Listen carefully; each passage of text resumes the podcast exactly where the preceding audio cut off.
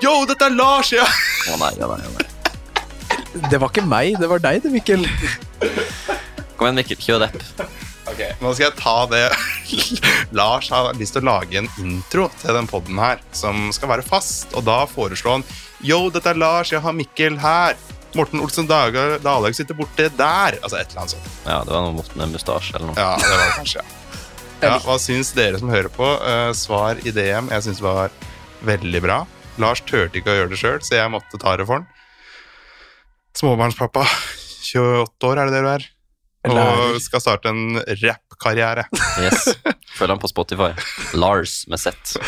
Neida, I denne episoden her så har vi eh, som vanlig mye forskjellig. Vi får besøk av en gjest, men først er det ukas løpenyheter, treningsukene. Så kommer Sigrid Jervel Våg og skal snakke litt med oss før vi har ukas sko og ukas økt. Og for de som følger oss på sosiale medier, det anbefaler jeg alle å gjøre. Det er eh, en julekalender som er ute nå. Denne gangen kan du vinne en On Cloud Lips, en splunka ny mengdetreningssko fra On. Ja. Jeg har lyst på den. Jeg har lyst på den. Jeg òg har veldig lyst på den. Men vi må gi den bort. Ja. Men hva gjør vi ikke for dere lyttere? Nei, Morten har veldig lyst, Mikkel har veldig, veldig lyst, og jeg har veldig, veldig, veldig lyst. Så den med veldig, veldig, veldig lyst får alltid Dere hører hvem som er småbarnspappa? Det er meg, det stemmer. Nei, den skoen blir i hvert fall delt ut til eh, de som kommenterer på det Insta-innlegget vi har lagt ut. Der må du kommentere hva du liker best med løping, og skostørrelsen din. Så har du mulighet til å vinne. Og denne episoden her, den kommer ut eh, fredag 15., og den konkurransen den utgår på søndag. Når vi smeller i gang og tenner det tredje lyset. ja, men ikke fortvil, fordi da kommer det en ny konkurranse på søndag. Så og går, du glipp av, ja, ja, går du glipp av eh, den som kommer nå, så ja, har du en ny mulighet. Ikke at det er samme sko, men det er en annen luke. Bra, Mikkel. Takk. Tusen takk. Er vi i rørepratmodus Jeg her nå? følte, jeg følte vi starta rett på rørepratene. skal vi døpe det om til Rørehjørnet? Eller vil du Ja, ha. Rørehjørnet. Det er riktig. Det Ja. så ut som at vi, Det blir mye rør. vi synka det. Ja. Ja, dere gjorde det. Har du en rapp her òg, Lars? Ja, jeg skal finne på en til neste gang. Ja. Jeg kan lage beats hvis du vil. Ja, vi tar det, vi tar det neste gang. ja, vi gjør det. Jeg kan jo starte okay. med min fadese. Oi. Jeg skulle bestille meg Puma Fast R2. Ja. Og ja, skulle inn på Løpelab sine sider sånn i ni-ti-tida. Pleier de å komme ut. Så går jeg inn der klokka halv ni bare for å sjekke om det står noe. Og der er den utsolgt i min størrelse. Den Mm. ene størrelsen som er utsolgt, er utsolgt. Og det var én sko av hver størrelse, og jeg er så jævlig bakpå. Her Ja. skuffer du, altså, for du pleier alltid å være den som får tak i alle sko som kommer først. Mm. Jeg husker i hvert fall tidligere så var det sånn øh, Å, nå kommer Alfafly. Ja, jeg har bestilt dem allerede, ja. Hæ? ja, ja. Følger du ikke med, eller? Samme Adidas-sko. Du hadde dem alltid først. Du har jo prototypen av de fleste sko som er på markedet. Men denne gang, Mikkel Så lå du og snorka. Ja, ikke akkurat, men jeg er jo bare helt ute. Jeg har jo, det verste her er jo at jeg har til og med fått vite når den kommer. Mm. Klokkeslett til og Allikevel. med. Så klarer jeg det ikke. Kjørte du bil? Uh, hæ? Nei. Man, man sitter ikke på telefonen du kjører bil samtidig, Nei, Lars. men det- Hæ? Måte på. Da må du stoppe i så fall. Ja, Du går og snorka på Flå og gikk litt på Faster 2 som du har snakka om i to måneder eller noe sånt. Ja, jeg gleda meg skikkelig, ja, men det åpenbart så er man eh, Man er rett og slett for dum, da, for å klare å få tak i et par sko, og det blir man straffa for. Knallhardt. Men uh, har ikke du en liten rant å komme med, Morten? Du er uh, forbanna. Ja, jeg har jo Dere trodde kanskje jeg var død. For Mikkel sa jo RIP her i forrige episode da jeg var stranda i Amsterdam og har vært pjusk og sløv. Og, men da hadde jeg jo mye TV-tid, da. Så jeg satt og så jaktstarten uh, i skiskyting. Johannes Tingnes Bø, og du har liksom sekundoppdatering, og det er passeringer her og der, og det er en nydelig TV-sending, og bra lina opp, liksom. Du har full koll hele veien. Uh, og så tenkte jeg på hvorfor er det ikke sånn på maraton i verden? Store maraton, masse penger. New York Marathon, uh, Berlin. Hvorfor får du ikke Ken Nissa Bekele han kom inn på et fjerdeplass, 2.04. Mm. Jeg ante ikke at han løp et superløp før han hadde fem meter igjen. liksom. Nei, det er sant. At man ikke får litt passering underveis, kan hoppe litt fram og tilbake. De klarer å følge syklister tre uker opp i fjellene i Frankrike med full oversikt på hvor folk er hen. Så det syns jeg er synd for løpinga sin del. Ja. Og så går jeg på, jeg liker like naiv hver gang. Så jeg er sånn, oi, nå gleder jeg meg til å se Berlin Marathon, men så er det ikke så Gøy som det kan mye- være. man ser veldig mye av de som er foran. Ja, Det er kun det. Du ser liksom ikke den som er bakerst heller. Det er jo like, eller ikke like imponerende, men det er veldig imponerende, for de er ute lenge. Ja. Det var ikke hvis man hoppa til baktroppen. Det. Baktroppen, da. Den bakerste mann. Men Da da, det kanskje plutselig- det blir litt status, da, å Ja, ja. være den tregeste. Da prøver de å skue hverandre ned liksom, og gå smuseskritt for å være bakerst og få TV-tid. Ja, for Nei, kan jo, nå kan jo sikkert noen si når du sier med skiskyting, at det skjer mye mer i skiskyting. Men så ser du da på sykkel, Ja. hvor de sitter og sender seks timer, 30 dager i juli, liksom. ja. Da burde de ikke klart å sende ett maratonløp. Men nå, nå må vi ikke ta alle under en kam, da, fordi de har de siste årene vært veldig flinke til å sende Oslo Maraton. ja. Og det har vært kjempesendinger der de har hatt Mm. reportere ute i løypa. Mm. De har lagd mye Det skjer litt. Ja, og de har fått Altså, det har vært et kjempebra TV-sending, da. Mm. Så, Men at ikke New York og ja, disse store som har enda større budsjett, liksom, ikke Ja. klarer å gjøre det bedre. Som har verdenseliten på plass. Jeg, vet ikke, jeg vet ikke hva som er grunnen til det heller. Jeg, Nei. jeg kan for lite om. Løypa er sperra av, og det er fire mil kontra 25 mil i fjellene i Frankrike. Det kan ikke være så jækla vanskelig i Det er vel- 2023. Nei, Altså I en by som New York òg, da. Du kan jo lage mye, altså, mye bra reportasjer, du har mye Mm. historie å fortelle. Altså, det kunne vært en kanon-TV-sending, Ja, ja. sånn. Kjempepotensial. men man har jo alle de der appene, vet du, så du kan jo følge med fra de. Kanskje det er litt av det? Jeg skulle hatt det. Det hadde ikke vært det samme i skiskyting heller, det. Det Nei, hvis- ja, ja. Ja. Last ned appen eh, Ski for å se Johannes eh, Tingnes Bø sin passering og skyting. Du får jo ikke se noe engang. Nei, nei. Det er jo det sykeste her. Nei, så det har irritert meg litt mens jeg har vært syk og ikke løpt så fryktelig mye. Hmm. Men det er jeg enig i, altså. Ja, fullstendig. Få til mer sånn som Oslo Maraton, og nå var jo sendinga på EM-terreng. Den er jo bra. Ja, den er bra. Og det har vi skrytt av før, da. NM Terreng oppe i Frognerparken. Ja. Bra sending. Mm. På Få, til det, litt, på det nivået der. få til litt flere sånne ting. Det tenker jeg. Nå så jeg jo eh, Valencia Maraton til neste år. Eh, de som setter verdensrekord der, får én million euro. Oi, Hæ? oi, oi. Ja, ja. Er, det, Lars, er ikke det sånn 14 mill. nå med norske kroner? Jo, jo. Det er så sykt. Ja, det er peng. Jeg skal sende melding til Kiptum. Spørre om litt tips. Ja, Det hadde vært moro. Men jeg, på Instagram nå så la du ut noe, Morten. Du øh, var litt øh, Altså, det var et spørsmål, egentlig. Hva Ja. tenker vi om hvis det er ti møller på eh, treningssenteret som er ledig, Mm. og så står du på det, en av de ti, og så er det ni igjen, og så steller den ene personen seg ved siden av deg. Får jeg rett ved siden av? Ja. Ja. Når du har ni andre å velge mellom. Jeg har fått melding av Andrea når hun har gått på mølla. Så får hun melding. Faen, nå kom det en person her og bare stilte seg ved siden av når det er for andre møller ledig. Hva er galt med personen, liksom? Den eneste grunnen jeg kan komme på, er at det er en sånn supermosjonist som må ha den mølla, for det er den jeg løper på. Og den skal være den er liksom, Da vet man, da kjenner man mølla, da, om den er snill eller streng. Ja. Mm.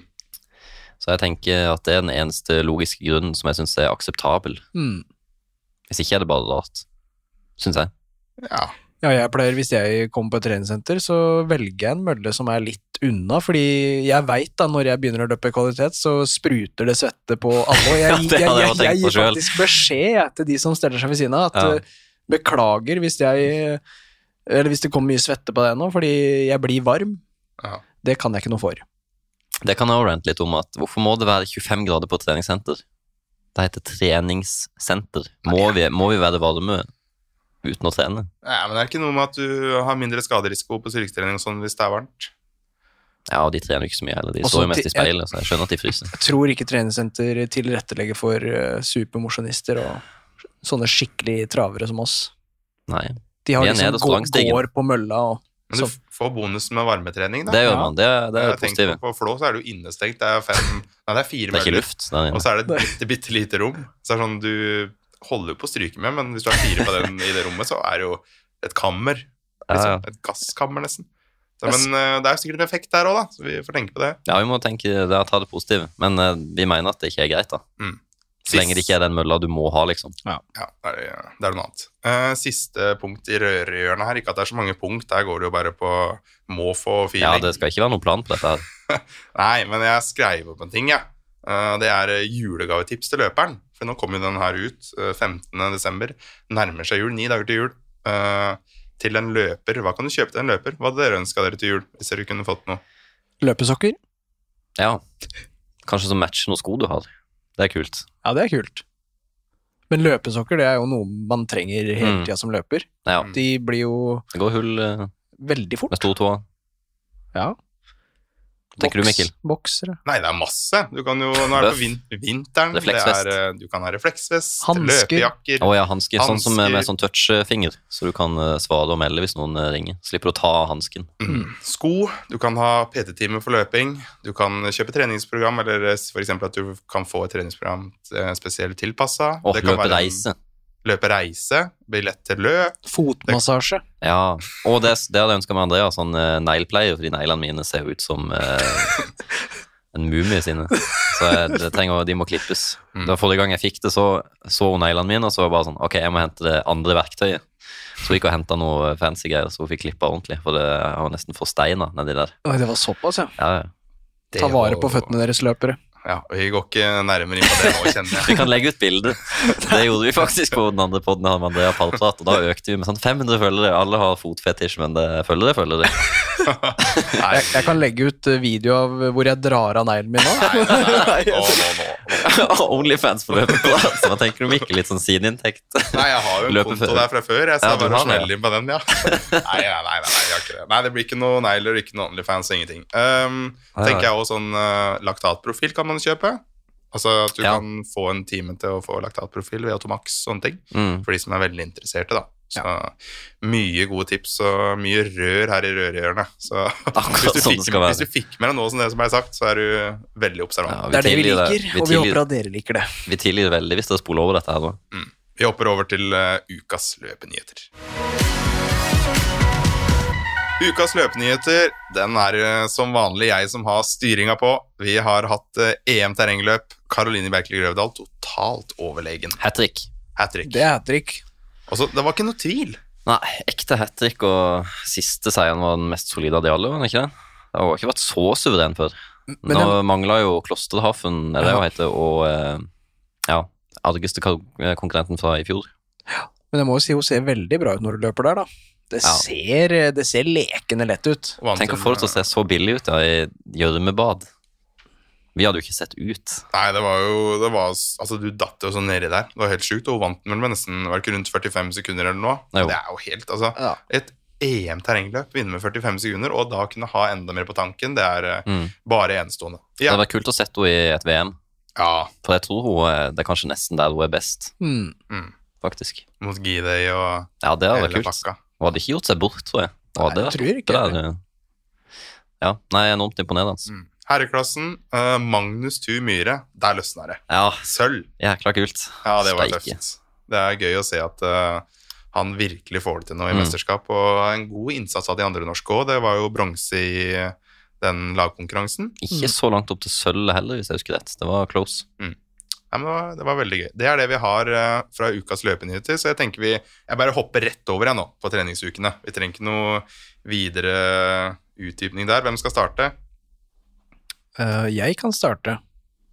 Jeg liker å starte. uh, vi er på Er det Hvilken dato? Fjerde. 4. desember. Da hadde jeg på mandagen en eh, 15 km rolig og fint, skrev jeg. 317 høydemeter der, Mikkel. Fornøyd? Flinke Lars. Takk. Og så kom jo tirsdagen, da, hvor, eh, hvor jeg kanskje ikke var like flink. Planen var å løpe på mølla. Det var etter jobb, litt seint, var sliten. Uh, hadde ikke sovet så veldig godt, for Kasper hadde vært våken sånn tre ganger på natta. Uh, men gikk på mølla, hadde en plan om å løpe ti ganger tre minutter. Uh, varma opp to kilometer. Uh, så satt jeg mølla på 17. Dro på meg Vaporflies og gønna på. Kom uh, ett minutt, så stoppa jeg mølla og sendte snap til Mikkel at eh, nå har det rakna, låra er stive, jeg er på vei i veggen, og fikk til svar at eh, det er ikke synd på deg, slutt å sippe, du er dårlig. Pakk inn låda og god jul. Pakk inn låda og god jul, du er ferdig, jeg tar deg til neste år. nei, nei, nei. Så ille var det ikke. Ja, det var ikke langt unna, det var det jeg følte i hvert fall. Så Nei, du, du. du Det var, sånn, det var sånn det føltes, Mikkel, Ja, og det er det viktigste. ja, ja. Nå setter han lar seg virkelig på bakbeina her og stiller offer. Dette føler jeg vi har Det er sånn man skal gjøre det i 2023, Mikkel. Ja. Eh, nei, og så sa han at jeg måtte sette ned farta og prøve på nytt, da, så jeg stolte på Mikkel. Jeg satt på 15 og trodde mølla gikk på 17, så jeg stoppa etter ett minutt igjen og dro av meg Vaporfly uten å knytte dem av. Kasta det i veggen, skrudde av mølla og felte ingen tårer. Men jeg sendte snap til Mikkel igjen, og fikk samme tilbake, at jeg var dårlig. Ja, herregud, han rop. Så det er, eh, det er tungt. Men eh, heldigvis da så har jeg en annen eh, kompis som heter Espen. Han er. Han ringte, han ringte meg med en gang, han. Så vi fikk snakka ut. Og da måtte, Mikkel, da måtte jeg eller? si at Mikkel var slem, Ja. og var bare ute etterpå å slakte meg. Nei! Lars, så ille var Nei, det det, ikke. kanskje, det kan hende jeg overdramatiserer litt, ja, men det, det, drama queen. Men det det, skal du få lov var- til. ja. Her er alle følelser tillatt. Så Og du bra. føler deg sånn, Lars, det skal jeg ta til etterretning, og skal jeg trøste deg neste gang. ja, bra. Ja. Så men det gikk ikke bra på tirsdag. Nei, det fikk vi med oss her nå. Ja. Det, Så Ja, onsdag, da ble det en rolig tur. Åtte kilometer. Eh, Drukne sorgene. Ja, drukne sorgene. Torsdag vurderte intervall, men så ble det rolig 18 kilometer. Så kom fredagen. Da tenkte jeg at nå må jeg prøve igjen. Det kan, hvis låra strammer seg nå, da er jeg ferdig med å løpe. Da brenner jeg skoa, som Mikkel sa i en episode her. Og da løper jeg fra tre Ja, hadde treigeste på 3.48. Der er jeg litt eh, glatt, da. Jeg løper ute. Og raskeste på 3.35. Så 60 sekunder pause, og var egentlig veldig fornøyd. Var du pakka? Nei, jeg var ikke det. Nei. Så det er, det er mest i oppoverbakker. Så hvis det er noen som lytter og enten har kjent det samme eller vet hva det her kan være, når det kommer oppoverbakker, så stivner låra ganske greit. Jeg har en kompis i Vidar som sliter med pakka lår akkurat nå, så du må, jeg skal sette deg i kontakt med han, så kan dere diskutere dette her litt. For han har jo fått beskjed om å ta en måned off omtrent, fordi han er helt eh, stram i lårene selv når han slapper av i beinet, liksom, i foten. Så eh, da skal jo lårmuskulaturen bare dingle, sånn gelé. Ja, ja. Men det er liksom hardt uansett. Merkelig. Ja. Ja, nei, det er liksom at syre Det kjennes som at jeg får syre med en gang, da. Når det kommer litt oppover. Ja. Og hvis jeg går under, eh, ja, tre Hvis jeg løper litt fort, da. Mm. Eh, på Nei, jeg veit ikke hva det kan være. Rart er det. Alltid noe med Lars. Alltid noe. 2023 det er det verste året i hele mitt Nei, det er faktisk et veldig bra år, men eh, det er Jeg begynte å lure på om alt var forferdelig. Nei, det er det ikke. Nei, det er bra. Det er bare løpinga. Ja, er Så godt. ikke mitt løpeår, kan vi vel si. På lørdag løper jeg 14 km. Rolig. Og på søndag skrev jeg 'God søndag' med smilefjes. Det betyr at Lars har det bra. 20 km. Veldig rolig. Endte opp med hele 92 km. Ja. Så det er en økning, altså. Men vi Mm. får se hvor, hvor vi stopper, og hvor vi ender, holdt jeg på å si, i 2023. ja. Skal vi oppsummere, Mikkel? Hva tenker vi? Er vi litt engstelige? Ja, jeg syns synd på deg, Lars. Du er en veldig god og fin gutt som fortjener alt det beste. Og at eh, Ja. sånn pakka lår skal ramme deg, det fortjener du Men ikke. du er enig i at jeg fortjener jo å kunne trene normalt igjen? Ja, hvis, det, hvis man ser på stravaen min, da, så ser det ut som noen har eh, vært og slipt en bombe i, mellom november og desember der. For det går en sånn dal, sånn tjopp, Mm. rett ned. Så går det litt opp igjen. eh, Og nå håper jeg at det holder seg der, eller så har jeg ikke mange løpesko igjen i 2024, altså. Nei, jeg vet ikke, Kjenner vi en massør eller et eller annet som kan kna opp disse lårene? Men jeg har massasjepistol, og den kjører jeg på maks og får vondt. Ja. Så Nei, jeg er ikke ekspert på det der. Nei. Så Nei. hvis det er noen da, lyttere som eh, kan noe om det her, så bare send melding i, på Instagram. Send det på min personlige. Fordi hvis Mikkel får tak i alt det her, så bare svarer han masse tull tilbake. Nei, nå høres jeg helt forferdelig Nei, jeg bare tuller. Det er jo voldsomt til framstilling her, da. Ja, nei, jeg bare tulla. Mikkel er Ja. veldig, veldig fin, fin kar. Ja, det høres jo sånn ut. Ja, nå må jeg få prate litt her. Nå Ja. må jeg få komme med min vanvittige treningsuke. Er det mye styrke, eller? Nei, det er så mye trening, bra trening at jeg vet ikke hvor jeg skal starte. Ja. Oi. Skal man starte i starten av uka, eller? Gjør det. Ja, på mandag da løper jeg ikke. Eh, En god start. ja, på tirsdag da hadde jeg eh, en mølleintervall 6 ganger 2 minutter på 8% og så hadde jeg 15 ganger 45-15 på 0% Husker ikke hva jeg løp på. Det var sånn opp til 17,6 km i timen eller et eller annet sånt. Har ikke helt kontroll. Løp på Eh, følelsen og bare skulle ha det sånn kontrollert hardt. Ja. Uh, har ikke, jeg har ikke hatt på meg pulsbelte på et år. Nei. Så jeg, jeg har ikke noe forhold til puls og laktat eller noen ting Nei, akkurat nå. det har ikke jeg heller. Litt laktat har jeg målt, men pulsbelte har ikke jeg brukt på et par år. Nei, jeg har målt laktat før, jeg òg, så jeg veit jo også. Jeg føler jo Jeg vet åssen det føles, liksom. Så jeg trenger det ikke, rett og slett. Nei. Og trener så lite òg, så det er jo ikke noe problem. På onsdag, da skulle jeg til Bø. I Telemark? Ta, til Bø Sommerland? i Telemark. Eh, Bare i sklia. Det, nå fikk jeg barndomsminner her. Nei, Åh, bø. Har du vært på Bever camping der? Åh, Nei, men jeg har vært på bensinstasjonen på Strupa. På strupa, ja. Ja, ja. Dæsken. Det, er ikke- det er ikke så langt unna Bø, det. Nei, det er jo på Notodden, det. Det er jo ja. ditt eh, Ja, ja. favorittsted på Notodden uten at du har vært der. Ja, jeg må Du ha bare en pydde der en gang. deg opp i Er det god pydde der? Det er god pydde. Ja. Det er veldig god pydde. Ja, i hvert fall da, så skulle jeg ta en VO2 Max-test, og det visste jeg at det kom ikke til å bli fint. Og det som var litt spennende i den testen, da, var at jeg skulle løpe um, Først skulle vi teste på noen femminutterslag uh, Clifton 8, altså Hoka. Det er en Mm. sånn helt vanlig treningssko, gåsko, altså mange bruker den som gåsko. Norges nasjonalsko. Ja, rett og slett. Uh, mot Adidas Adios Pro 3. Den som setter rekord på rekord og vinner maratonløp overalt her. Mm. Eh, de skulle teste mot hverandre, og um, det vi fant der, da, var at uh, med Adios Pro 3 så hadde jeg kommet til å løpt uh, 17,26 på 5 km, og med Hoka Clifton 8 hadde jeg løpt uh, 18,11 Oi. på 5 km. 1726 og 1811. Ja, Shit. er forskjell, da. Ja, Tenk på et maraton, Altså, da. det er så sjukt. Dere, altså, bare tenk på den forskjellen to sko kan ha. Altså, jeg kan løpe over 40 sekunder fortere med en, en sko enn en annen. Altså, sko har jo noe å si, Ja, ja, ja. det har du. Så Ja, jeg tror på det. ja, det er jo ikke ljug. Ja, ja, ja, hadde... Du er ikke uenig med forskninga? Nei, nei, og jeg hadde ikke trengt noe forskning på det engang. Jeg hadde bare trengt å prøve det. Jeg har liksom merka når jeg har løpt, at du kjenner jo Hvis du løper en rolig tur med alfafly, Mm. så Mm. går det jo automatisk raskere. ja. Mm. Eller så må du bremse, liksom. Ja. Jeg har hatt et lite sånn veldig uhøytidelig forsøk med når jeg løper rolig, at det går litt raskere med Kinvala Pro enn f.eks. Puma Magnify. Det er en karbonplate, jeg vet ikke, det er et eller annet. Jeg har akkurat samme intensitet, føler jeg. Ja. Går alltid ti sekunder raskere på kilometeren. Men det er jo veldig spennende, da. Og det er gøy at du fikk prøve det, og se liksom Ja, se forskjellen, da. Ja. Selv om Mm. kanskje dagsformen din var at skogen. Ja, fy fader, jeg følte meg forferdelig den dagen. Jeg løp på 16 km i timen, som er 3,45. Mm. Og jeg, jeg, jeg var helt Jeg sto nesten og hang på knærne. Men du har maske, da? Ja, Ja. Det var, jeg klarte ikke Jeg hyperventilerte jo i den der Ja, men det har jeg hørt at det er jo verre å puste med den. Ja, ja, ja. Så jeg var jo helt ferdig på 16 km i timen. Og ja. Men i hvert fall, da, så kom jeg meg til VO2 Max-testen der.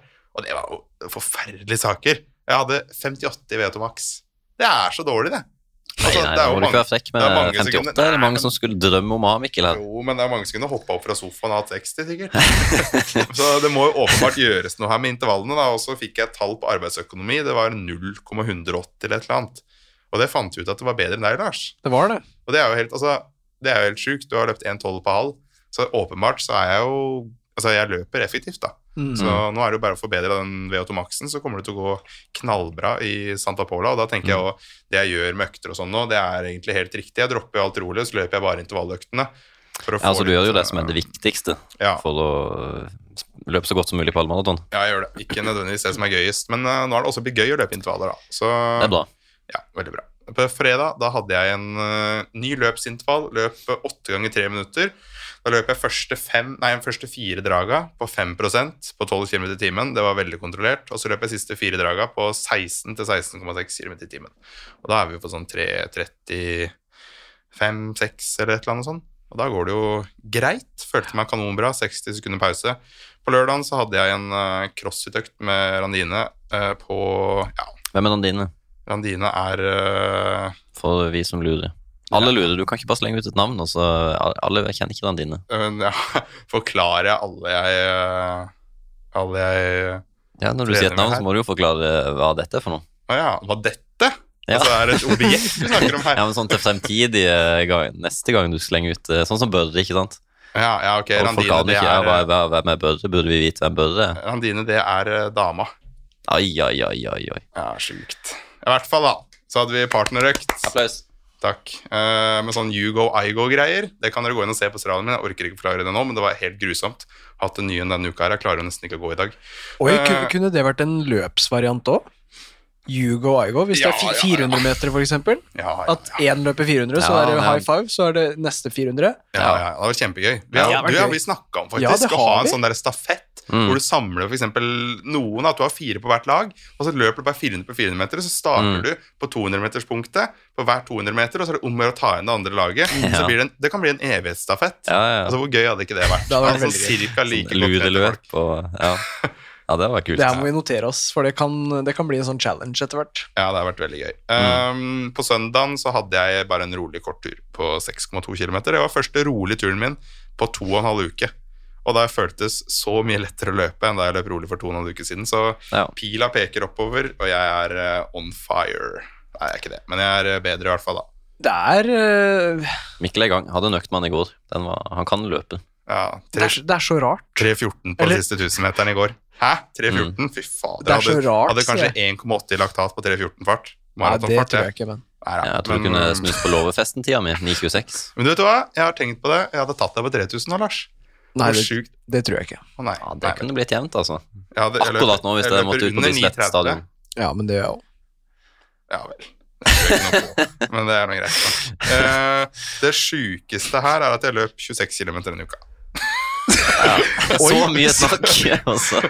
26 km. Ja. Det hørtes som at du løp Jeg mye, mye 80 mer. nå, jeg. Jo, men eh, altså, hvis jeg løper eh, Men Hvis- varmer du ikke opp, og har du ikke neog? Jo, jo, jeg har oppvarming, jeg har ikke neog. Så hvis eh, Nei, 20 slutta med ki- det i Norge. Hvis, 20, eller hvis 18 km av de er kvalitet, da, så er det jo som å løpe en 70 km uke, og så er det over 20% av det intervall. Hmm. Så det bare at jeg kutter ut alt det rolig. Jeg orker ikke, jeg gidder ikke. Jeg trener styrke, vet du, og trener crossfit og Ja. gjør litt andre ting, så det prioriteres knallhardt eh, her nå, og det er progresjon, så åpenbart gjøres det noe riktig.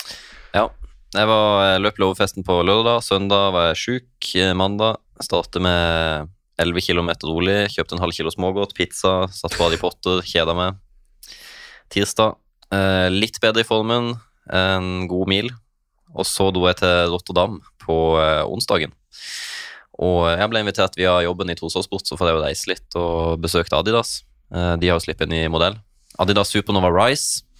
Så den fikk jeg løpt et par turer med. 9 km på onsdagen og 15 på morgenen eh, på torsdagen.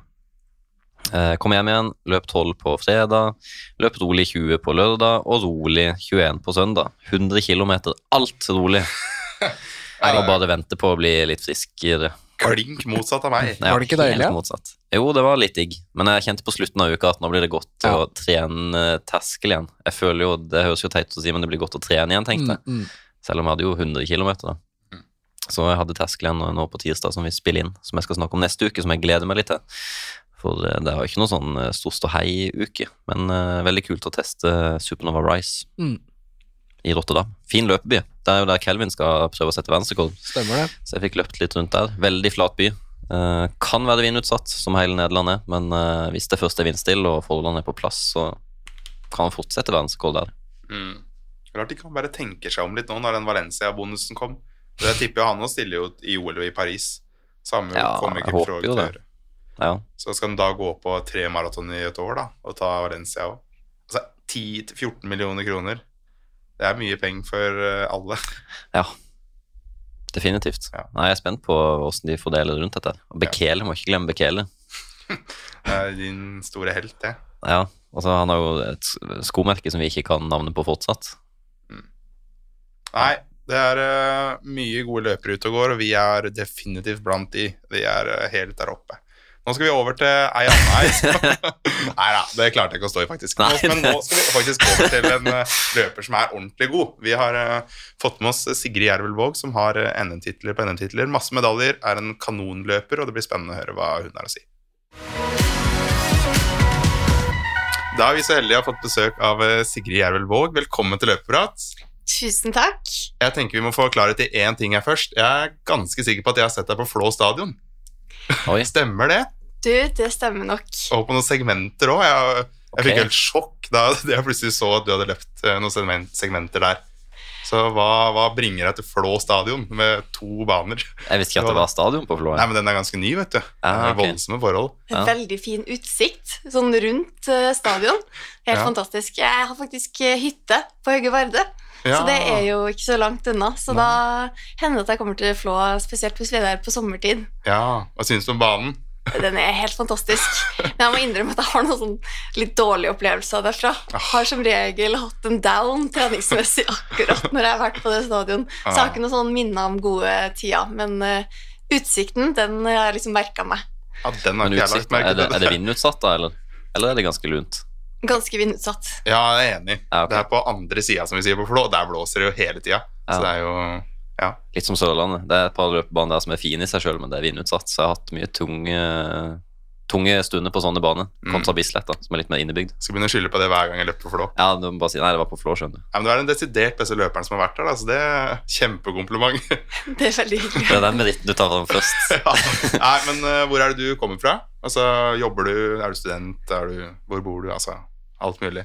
Jeg Livet. kommer, kommer fra Trondheim. Eh, har bodd i Oslo nå i ja, hva er det blitt da, over ti år. Eh, så um, eh, fun fact er at jeg kommer fra Snåsa ifølge Wikipedia. En annen eh, ja. nordtrønder som har lagd en Wikipedia-side og skrev at jeg kommer derfra. Men eh, pappa kommer derfra, faktisk. Så eh, det var en liten stund jeg løp for Snåsa i hjel. Men, men, men Trondheim, og så har jeg bodd her i Oslo siden egentlig jeg begynte å studere. Mm. Har bakgrunnen litt fra idrettshøyskolen, og så gikk jeg videre på BI. Og nå um, har jeg egentlig jobba uh, siden, skal vi se Har det blitt uh, 2017 eller noe sånt? Så um, Nei, før det. 20, jo, 2017 tror jeg det var. Hvordan er det å kombinere det å trene så mye og jobbe mye? Eller Eh, tilpasser du jobb i forhold til trening, eller er det omvendt? det er liksom litt vanskelig det der, fordi eh, nå prøver jeg å ha liksom, løping som pri igjen, men uh, jeg får ikke så mye betalt på den løpinga, så, så det blir jo at uh, jobben Altså, man må tilpasse treninga litt til jobb og livssituasjon, Mm. men uh, jeg har jo liksom prøvd å skru til flere og flere skruer etter hvert. Uh, Starta jo med å jobbe 100% og så har jeg på en måte klart å fått gradvis komme ned i stillingsprosent nå for å ja, legge enda mer trykk de sånn siste årene av karrieren. Mm. Så nå er jeg ned på 60% jobb. Så, Satser skikkelig nå, altså.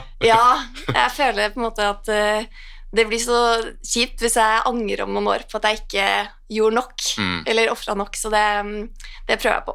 Du har jo en del eh, NM-gull, og ja, jeg gidder ikke å begynne å ramse opp, det er jo veldig mye. Er du- på, blir, du- ja, unnskyld, blir du lei av NM-gull? Altså bare ligger det i skoen til slutt? Liksom, at når du har er 15 stykker, eller noe sånt? Eller ikke. henger alle sånn pent og pyntelig, og at du er glad i alle sammen? Eller blir du litt sånn lei, liksom? Samboeren min kjøpte sånn, han er veldig glad i medaljene sine, Ja. så han kjøpte på en måte en sånn eh, Han innreda eh, den eh, treningsrommet vårt med sine medaljer, men han kjøpte ikke noe plass til mine. så de ligger sånn oppi en eller annen pokal. Jeg beholdt dem, da, bortsett fra det ene NM-gullet som jeg tror jeg fortalte på podcast tidligere at jeg vaska i vaskemaskina. Så Ah. det røyk, da. Det har jeg ikke lenger, men, men resten har jeg. Har, har du et sånn ett løp i livet du bare tenker Oi, det her er det, det, er det sjukeste jeg har gjort, eller det her er det beste jeg har gjort? liksom Er det ett løp som stikker seg ut? Mm, jeg tror eh, det som eh, på en måte jeg, kom, jeg hadde jo noen år eh, Jeg drev aktivt når jeg var yngre, og så la jeg opp i sånn 18-19-årsalderen. Og så begynte jeg egentlig Når jeg var vel 23 år igjen, så begynte jeg på en måte sakte, men sikkert å ja, jeg kalte meg vel fra liksom, å kalle meg mosjonist til å kalle meg litt sånn supermosjonist. Og så var det egentlig et punkt hvor jeg bikka over på mer eh, eliteløper igjen, da, og det var eh, når jeg litt veldig, veldig overraskende tok NM-gull i 2017. Så jeg vil si at det løpet var på en måte eh, Det husker jeg veldig godt, siden det var et vendepunkt, og det var sånn tidenes runners high. Persa med masse, og klart på en måte å ja, ta igjen eh, de to foran meg i spurten. eh, Og um, aldri vært så sjokka etter et løp noen gang. Så det husker jeg veldig godt. Og så har jeg en eh, 10 km i 2019, Mm. eh, når jeg løp på 32,50, som også kom litt ut av det blå. Og da Ja. på den tida, nå er det flere som løper rundt der, men på den tida så var det liksom Karoline, og så var det veldig, veldig Mm. stort gap. Mm. Og så var på en måte det, Da ble jeg liksom litt av det gapet eh, tetta, Altså det, det var på en måte ganske stort også. Mm. Du var jo litt inne på det her, men hvor er det den treningsinteressen kom fra, i bunn og grunn? Altså, når oppdaga du løping? Hvordan kom du dit? Jeg drev vel som mange andre med masse forskjellig aktivitet, og så um, var jeg litt mer sånn jeg var, trodde jeg var eksplosiv når jeg var yngre, men så merka jeg på en måte etter hvert som man begynte med lengre distanser, og jeg husker spesielt vi hadde et sånt eh, mosjonsløp på um, eh, Det var vel barneskolen, fjerde klasse gikk jeg vel i da, hvor, um, hvor jeg kom nummer fire på hele skolen. Og det var sånn det var et sånt øyeblikk hvor jeg tenkte sånn Å ja, lange løp, det er litt eh, noe for meg. Så jeg begynte på friidrett etter det. Eh, Så um, da Jeg tror det største som Det viktigste for meg var at det var så mange i klassen som drev med det. Så vi var liksom åtte av elleve jenter i klassen som drev med friidrett. Mm. Så det ble et veldig bra miljø av det. Det blir liksom liksom håndballen og fotballen på alle andre steder. Det Ja. mange driver med, det Altså, folk bare kaster seg på, da. Ja. Det er ofte gøy å ha en gruppe. Trener du i en gruppe nå, eller eh, har du beholdt det der samholdet? Det er gøy å trene med andre? Ja, jeg er ganske avhengig av det, egentlig. Mm. Jeg tre, vil heller trene noe som er sånn litt annet enn den økta jeg hadde sett for meg, um, og gjøre det sammen med noen, enn uh, å på en måte eh, følge planen til punkt og prikke Mm. alene. Eh, For jeg merker at kvaliteten for meg blir veldig mye bedre, og det vedlikeholder motivasjonen mye bedre også. Mm. Så nå trener jeg med Sjalve eh, gruppa, en lagdistansegruppe der. Ja. Ikke fienden til Vidar da, Morten? Nemesisen. Det hender at jeg slenger meg med litt med dere også, da. Ja, Er det lov? Jeg, jeg er jo litt fersk i dette her Oslo-hatkulturen, da, men eh, nei, det er vel på Holmenkollstafetten så er det jo viktig å slå Tjalve, føler jeg. Og motsatt sikkert òg. Ja, men det har blitt veldig mye mer samla miljø. Jeg føler jo det. Har ikke sett noe håndgemeng enda nede i bunkeren, men uh, vet jo aldri.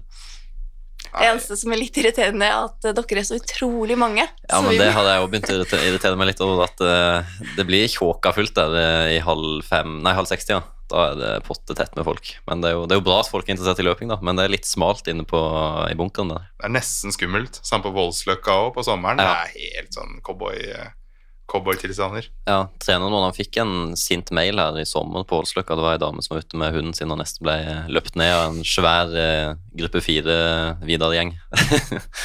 Så ja. Nei, skummelt. Ja. Uh, 2023-sesongen, åssen har den vært? Oh, den har vært um, litt sånn som de eh, siste sesongene. Det har vært mye opp- og nedturer. Mm. Har um, hatt en veldig bra inngang til sesongen, hvor jeg løp et eh, ja, vant NM terrengløp kortløype, eh, persa på gateløp, eh, var vel 15.53 på 5 km. Og så um, ble jeg syk, og så satt den sykdommen i kroppen veldig lenge. Kanskje fordi at jeg begynte å konkurrere litt for tidlig. Mm. Det, det kan ha liksom påvirka, men eh, jeg rakk aldri å komme helt i form før, eh, før NM, egentlig. Det var sånn den satt i kroppen i fire uker eller noe sånt, den um, Mm. sykdommen. Så, men så dro jeg til Kenya og bare tørka litt tårer fra skuffelse etter NM og tenkte ok, hva, nå skal jeg fall få til en skikkelig bra høstsesong. Så da hadde jeg mm, først litt safari for å koble av, og så ja og så fikk jeg trent i sånn to og en halv uke i eh, eh, høyden eh, i Ten der, som eh, sikkert mange kjenner til. Sånn løpeparadis, og fikk masse inspirasjon. Eh, skikkelig bra mengde. Og så mm, konkurrerte jeg meg egentlig i form utover høsten.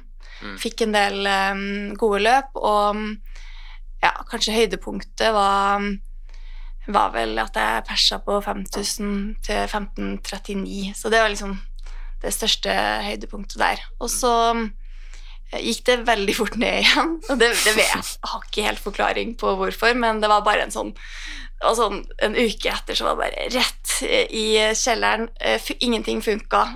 Bena var bare kjempetung. Ikke noe syk eller noe sånt, men eh, Og så kom jeg meg sånn gradvis eh, bedre og bedre. Fikk, eh, hadde en liten stigning til nordisk terreng, og så har jeg egentlig hatt eh, progresjon utover høsten. Mm. Eh, helt til jeg ble kvalifisert til EM-terrengløp, og så fikk jeg korona to uker før. Og det har også sittet i ganske lenge, da, så jeg er fortsatt ikke helt tilbake i trening. Ja, for Vi hadde jo gleda oss vi, til å se på deg nå i helga, men det, det blei altså ikke noe av. Ja. Åssen vurderinger la du til grunnlag for det? Var det har det sittet så mye liksom, at du ikke turte å stille til start? Eller hadde det ikke vært noe vits? Nei, jeg, det funker ikke nesten å jogge engang. Så, nei, så det har Satt litt vært eh, dypt i systemet. Ja, og så begynner jeg å ha hatt noen sånne runder som har liksom sittet ordentlig dypt. Eh, Det vi skal sjekke nå, da, er jo å prøve å finne ut om det noen grunn til at sykdom sitter ekstra i til meg. da. Så vi skal Mm. sjekke bihula og litt sånn Ja. Se om det er noe justeringer vi kan gjøre inn mot um, neste sesong, så det er bra jeg får litt oppfølging på det. Mm. Men, uh, men jeg har også erfaring med at eh, hvis du begynner for tidlig etter en sånn sykdomssmell, så kan du se, altså, du taper mye mer Mm. på å begynne for tidlig og dra med deg noe sånn tull i, tunge lår eller noe sånt inn Mm. i, um, i treninga, enn å bare ta liksom ekstra fri. Mm. Og så være 100% når du starter opp uh, igjen, da. Men litt sånn vurderinger når sykdommen Du merker at den melder seg, er du flink da til å bare ta en dag av, f.eks.?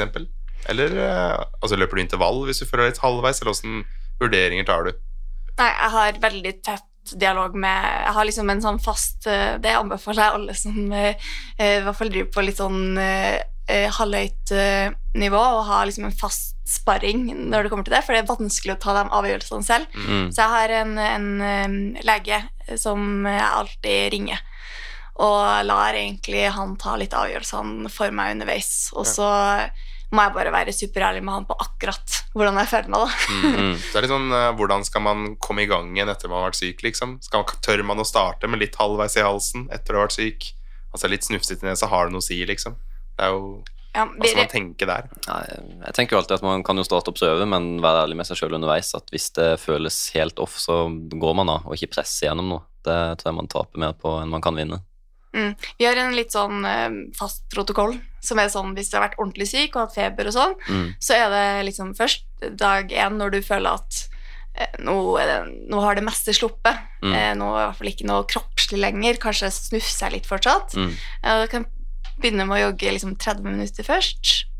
Og så hvis eh, det er liksom tommel opp, så er det 40 minutter dag to. Det er veldig kjedelig opptrapping. Og så hvis det også har gått bra, så er det en sone to-økt. En litt forkorta terskeløkt som er liksom Ja. ekstra rolig.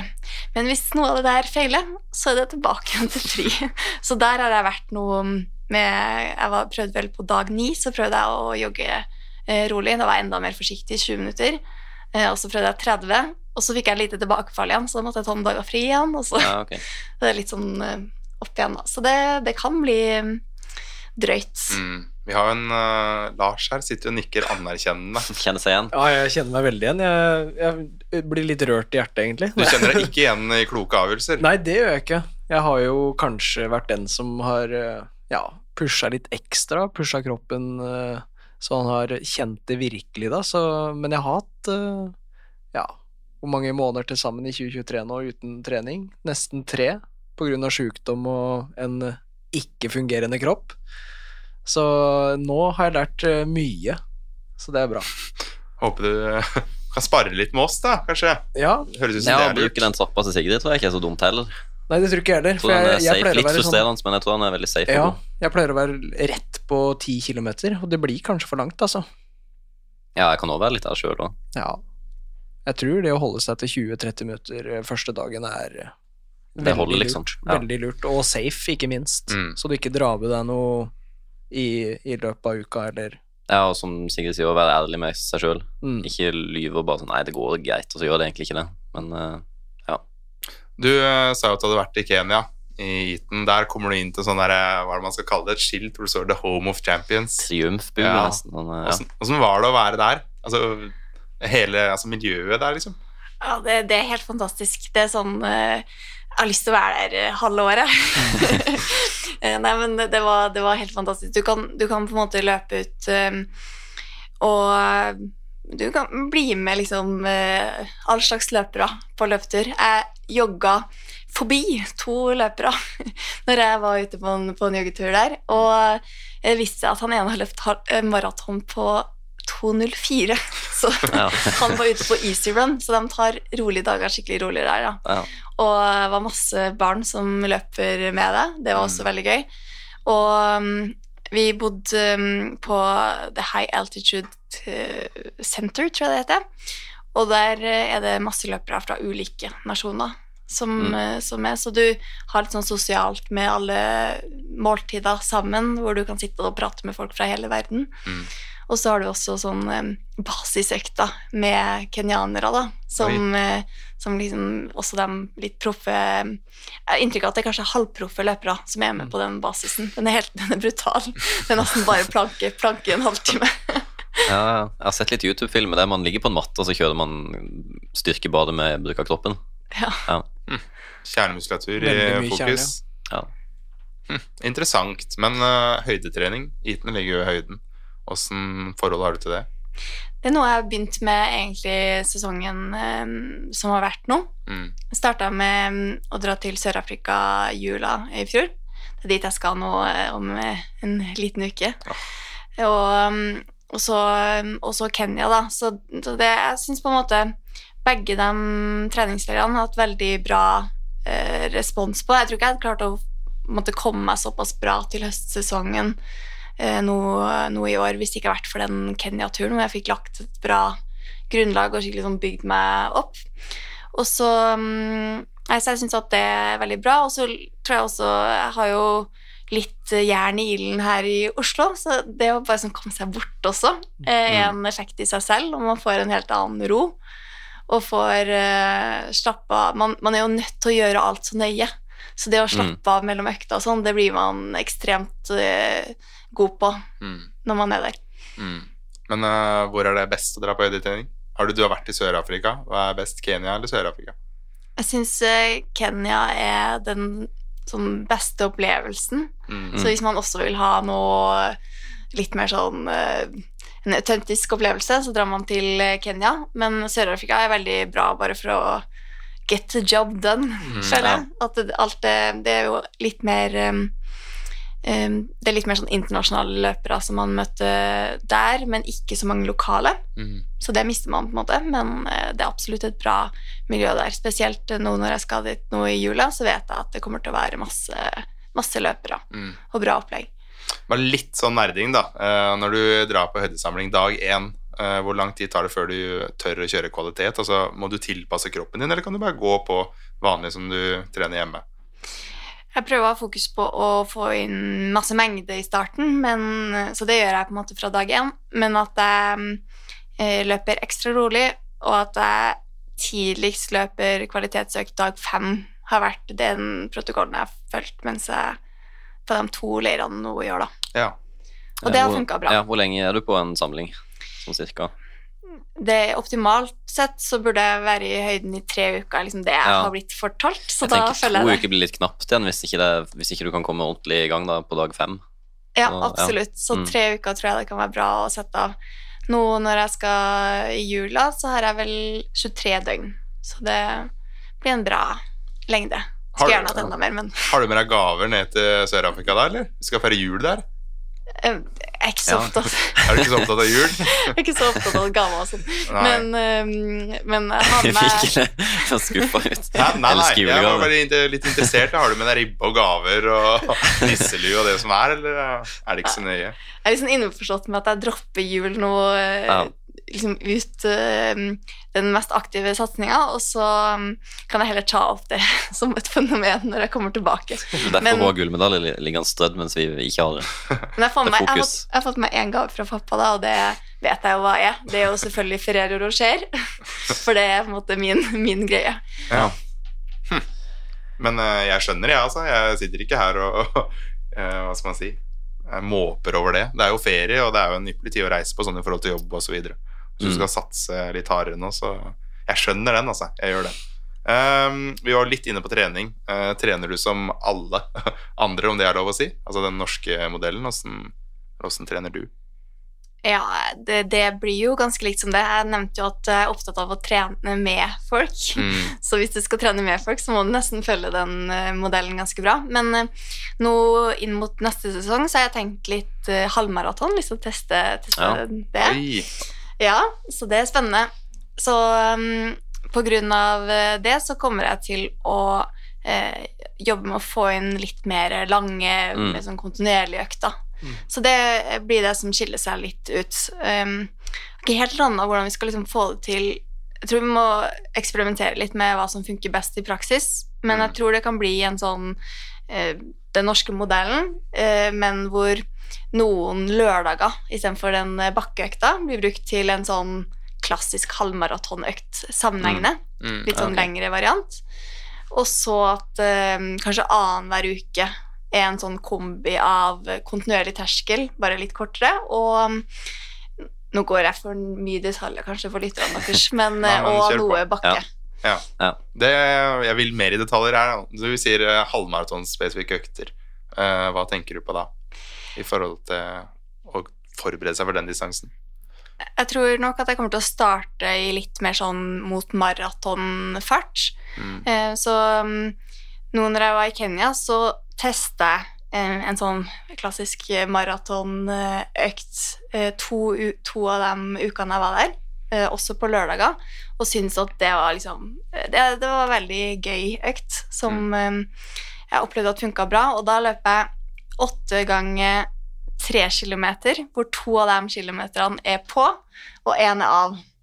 Ja. Så det blir på en måte 24 km, og så har du Mm. litt oppvarming og nedjogg, så det blir sånn ganske langt til sammen. Mm. Eh, Det er jo ganske optimalt for en eh, halvmaraton. Mm.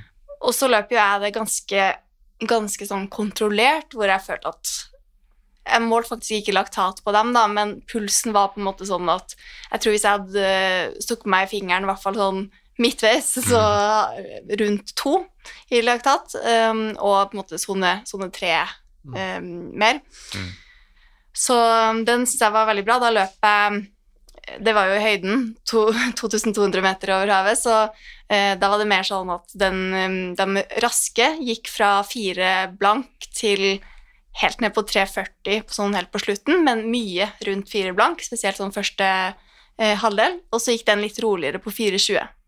Ja, så du hadde bare 20 sekunder eh, mellom fort eller av og på. Ja, Ja. cirka det. Men så ble det jo mer og mer eh, eh, forskjell Mm. em, etter hvert som eh, økta gikk. Mm. Eh, og så hadde jeg vel den andre uka jeg gjorde det, så begynte jeg allerede å bli, respondere bedre på høyden, sånn at jeg kunne løpe litt fortere, så da var det mer sånn 4.10 og 3.50 kanskje, Mm. så, i sånn fartsvariasjon mellom de eh, to litt raskere og den ene kilometeren litt roligere. Mm. Og så bra med inntak eh, av um, sportsdrikk og sånn, eh, og gel underveis, for å passe på at eh, man restituerer til neste økt. Og da, når jeg gjorde det såpass kontrollert, så tålte jeg godt å begynne på dobbel terskel på tirsdag igjen. Mm. Men jeg tror jo nærmere man kommer en sånn halvmaratonfart, eh, så, så må man nok gjøre, gjøre noen justeringer Mm. på den tirsdagen som, som kommer etter, kan Mm. hende. I hvert fall ikke, kanskje man ikke tåler to terskeløkter da. Nei. Men så er det litt sånn Er det vits å løpe ned mot halv maratonfart på den lørdagen? For man løper jo på en måte fortere på tirsdag enn halv maratonfart òg. Så er det liksom noe poeng, da. Å løpe så veldig fort på den lørdagsøkta. Enn å, altså kontra det å holde seg på maratonfart, da. Har du tenkt noe rundt det, liksom? Jeg tror, eh, jeg tror ikke man trenger noen mange økter med det. Nei. Eh, Men sånn for selvtilliten sin del, så Mm. tror jeg det kan være, eh, kan være fint. Og så skal Ja. man selvfølgelig Det jo også, også bare kjenne hvordan eh, hvordan man responderer på det å innta gel på en sånn fart. Mm. Hvor Mm. man tross alt Altså fra en sånn maratonfart til en halvmaratonfart, så skjer det noe med pusten og hele sånn Mm. og det jeg har merka Jeg har kjørt- en del sånn lengre økter eh, i løpet av høsten nå. Eh, og da ser jeg det at magen min tåler ikke nødvendigvis liksom, gel så bra, så det er en ting jeg må øve litt på. da. Så jeg tror, tror nok jeg må være litt innom den farta. Ja. Nå løper du halvmaraton eh, ikke så veldig mye over 1,10. Uh, hvor mange gels eh, tar du da i løpet av en sånn distanse? Takk for at du har tro på meg. Det, jeg må, tror jeg, må løpe, tror jeg må løpe først. Jeg har fortsatt eh, en pers på hva det 1,19 tror jeg løp i Tel Aviv i 2018. Oi, Så ja, det er ikke så nærmere det- enn det nå. Til pers nå. Ja, ja. vi får se på det. Men eh, jeg håper jo håper jeg at det skal i hvert fall gå en del fortere enn det. Mm. Men Men hvor Sette eh, ut et løp. Et halvmaraton. Barcelona. Barcelona, ja. Og det er vi glad i. Alle tre. Alle tre. Ja, jeg har vært der to år på rad, jeg. Det er fantastisk. Det, har dere noen tips? Nei, det er, altså, alt er strøkent på det arrangementet. Det er eh, Du Ja, trenger ikke å tenke det- på å komme så tidlig til start. Du glir rett inn. Altså, Du har sikkert eliteplass òg. Har du fått det? Ikke ennå. Ja, det kommer du til å få, vet du. Tror Ja, men om du havner i den A-pulja også, er det ganske lett. Og du, ja, man kommer liksom rett ut. Det var liksom ikke noe køløping. Nei. Bra opplegg. Det Mm. stiger litt i starten, men da er man Mm. pigg i beina nå. Ja, det, det er ikke noe bakke, egentlig. Men det, er- det tøffeste kommer først, Mm. og det er ikke tøft engang. Nei. Så det er en lynrask løype. Jeg hadde livets løp i Barcelona, og da holdt jeg igjen bitte litt første fem.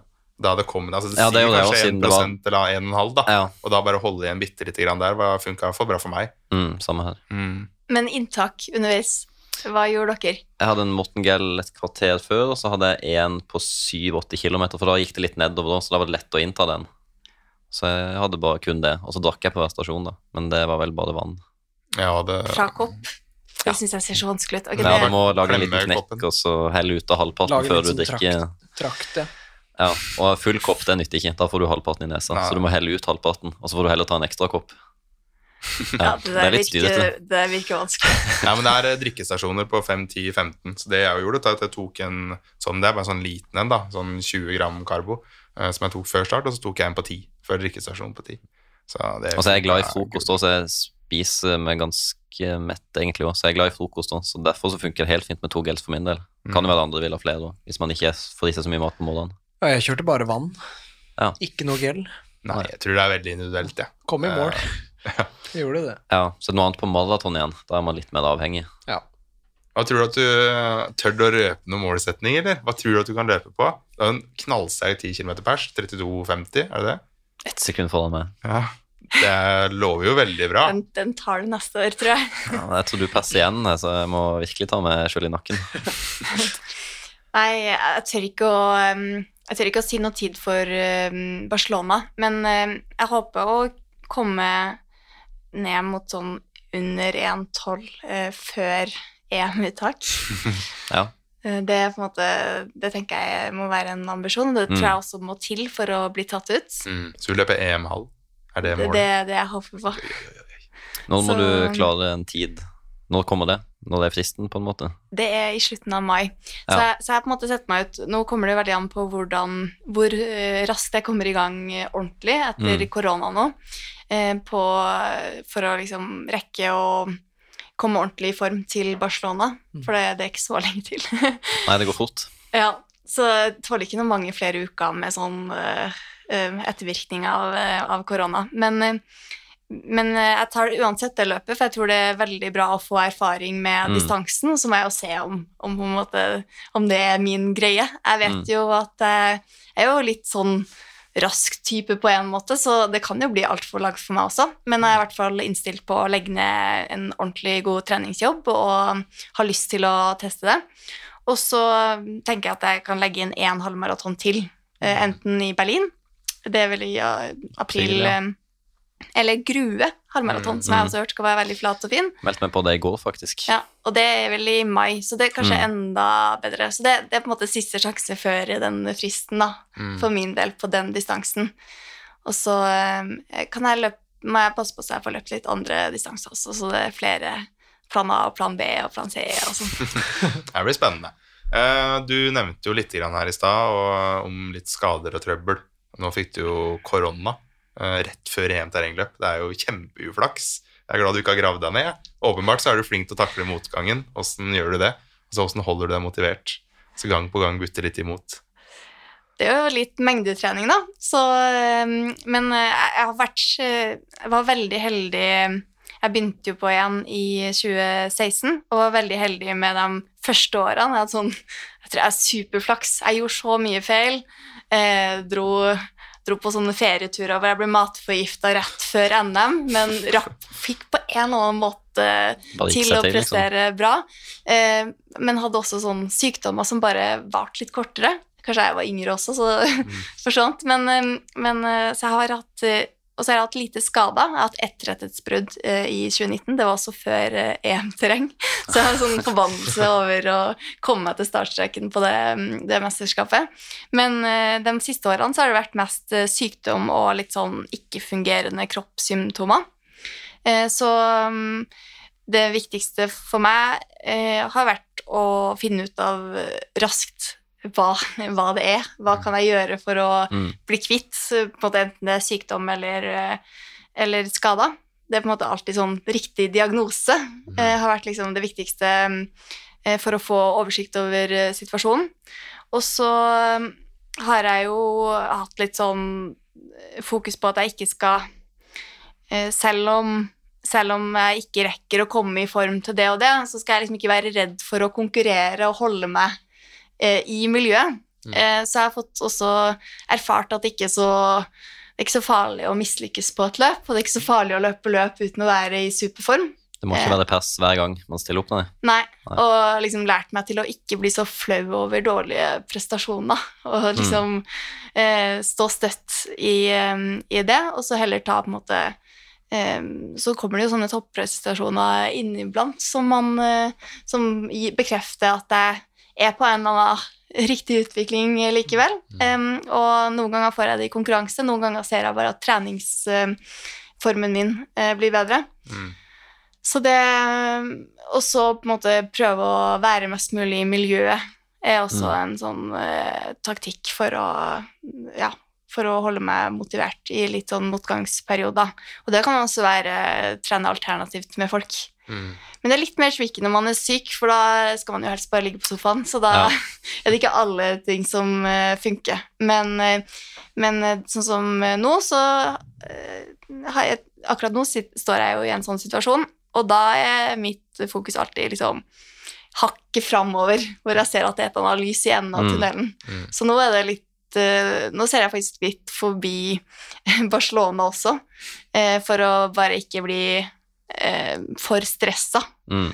og heller ha fokus på å bli frisk enn å ha fokus på å ikke miste trening. Mm. For det er veldig fort gjort. Mm. Jeg tror det er ekstremt viktig å ha evnen til å sette seg nye mål når det butter litt imot, da, at Mm. man ikke graver seg helt ned. Ja, at liksom fort- alt går i grus fordi det Ja. ene målet ikke blir som man har tenkt. Mm. Det er lurt. Ja, jeg har jo jeg har eksempelvis liksom Jeg tenker litt 2025 også, Mm. selv om jeg har masse jeg har lyst til å få til 2024. Men jeg prøver også å tenke at 2024 legger også grunnlaget for 2025, så jeg prøver liksom Mm. lenger fram enn det blir litt, eh, litt langt. Men jeg syns på en måte å ha et sånn toårsperspektiv eh, funker veldig bra. Mm. Men eh, når du trener alternativt, sier du, hva trener du da? Hva funker for eh, å beholde løpeformen til den grad det går? Det har ikke vært så, real, sånn, så relevant for meg i det siste, fordi at som regel så har jeg klart å løpe, men eh, ikke klart å trene i perioder. Mm. At det har vært mer sykdom. Men når jeg har vært skada, så er ellipse noe jeg syns har funka bra.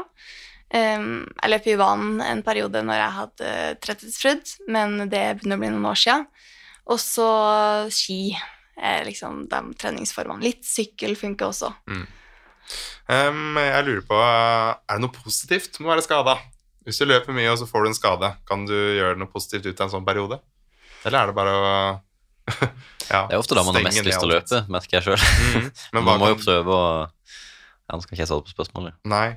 Er det noe bra med det? Det er jo veldig mange som kommer tilbake fra skada i bedre, i bedre form nesten enn eh, før de eh, hadde den skaden, og det har vel med at man får litt, kroppen får litt variasjon, og så mm, får man ofte bygd en ganske bra motor, for man kan trene mer, Mhm. bare alternativt, og så er man ofte litt nøyere med styrketrening og basis. Så jeg Mm. ser liksom at en del av de løperne som har vært skada en, en periode, kommer tilbake og er liksom litt sånn sterk og robust. Mm. Så det vil jeg si at det kan være fordelen med en skadeperiode. Mm.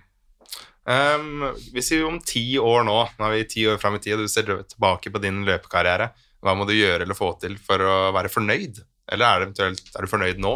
Eller hva er det som eventuelt gjør at du er det? Ikke at du ikke skal være det, altså. Det er absolutt mye å skryte av her, men uh, ja.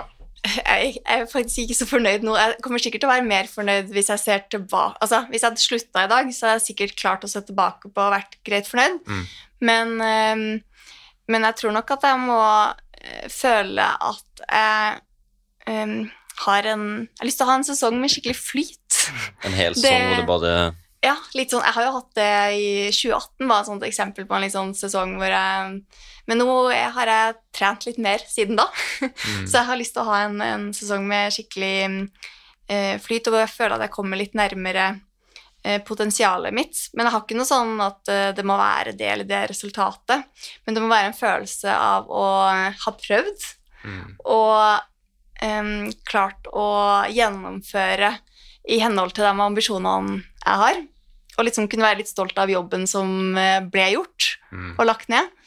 Eh, Og så håper jeg jo at eh, at jeg liksom kan se tilbake på at jeg har hatt en positiv innvirkning også på miljøet og folk rundt meg, og også hjulpet til med å kanskje dratt med noen flere løpere opp på et høyere nivå, og, den, og egentlig bidratt til den utviklinga som vi jo ser i friidretten og Løp-Norge. Mm.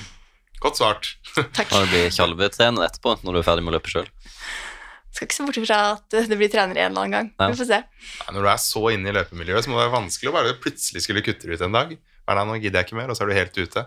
Men tror du at du blir en sånn som løper maraton om 30 år? Kan du se for deg det, eller tenker du at når du er ferdig, så Nei, nå går jeg på ski og koser meg og er litt trener, og Eller kommer du alltid til å løpe, tror du? Jeg tror jeg alltid kommer til å løpe. Jeg har litt sånn eh, livstidsfokus med den løpinga mi. Ja. Så, men det kommer sikkert til å, det kommer til å bli perioder hvor jeg får prioritert det mer og mindre. Akkurat nå prioriterer jeg det på en måte så hardt jeg kan. Mm. Og så kommer det til å være perioder hvor det ligger mer i bakgrunnen som en sånn energiboost i hverdagen, og eh, noe jeg har med meg som en måte å fungere bedre på andre arenaer. Eh, og så blir det sikkert noe maraton og noe litt mer sånn opplevelsesløping, tipper jeg, når jeg gir meg med konkurransejaget. Kult. Ja. Steike. Um, hvis, nå er du proff, du kjører jo mer enn tre økter i uka, men hvis du hadde hatt kun tre økter i uka til disposisjon, hva ville du gjort på de tre treningsukene? Det er jo mange mosjonister som kun har tre økter til disposisjon. Ja, og det mm, eh, Da gjør du Du gjør kun tre løpeøkter, og så får du ikke lov å trene noe annet i tillegg, eller? Jo, Nei. du kan jo trene noe styrke og sånn, da, Ja. men du har liksom tre løpeøkter, da. Åssen vil, vil du fordelt de? Det er egentlig Mikkel som spør, fordi han trener jo masse styrke og har egentlig bare tre muligheter til å løpe i løpet av uka cirka. Ja. Jeg, løper, jeg har løpt tre økter forrige uke, og det var tre intervaller. Så hva ville vil du gjort med tre økter? Ja, Jeg tror ikke jeg ville tatt tre intervaller, men, eh, men kanskje to. kanskje to. Ja. Eh, og så hatt en, eh, en som er litt eh, kortere. Um, gjerne noen eh, Kanskje to minutter eller noe sånt, eh, med noen raske bakkedrag på slutten. For å få litt styrke inn, i, inn i løpinga. Eh, for eksempel Ja, det kommer veldig an på treningsgrunnlaget hvor mange to minutter man skal ha. Men, Mm. så, så folk får tilpasse litt. Men eh, ja, kanskje åtte-ti. Ja. Litt avhengig av, av nivå. Og så um, også noen eh, bakkedrag kan godt være bare sånn seks ganger 100 meter. Mm. Um, høy flytfart. Og så tror jeg ville hatt eh, rundt 1000 meter eller 800 meter, også tilpassa nivå og løpstid, så vi kan si tre Mm. minutter da, cirka, da. Mm. Um, ja, åtte-ti stykker. Og så på den lange intervallen, og så tror jeg jeg ville hatt en sånn skikkelig eh, skogstur. Langtur eh, Mm. hvor man bare sanker litt kilometer og tid eh, på beina.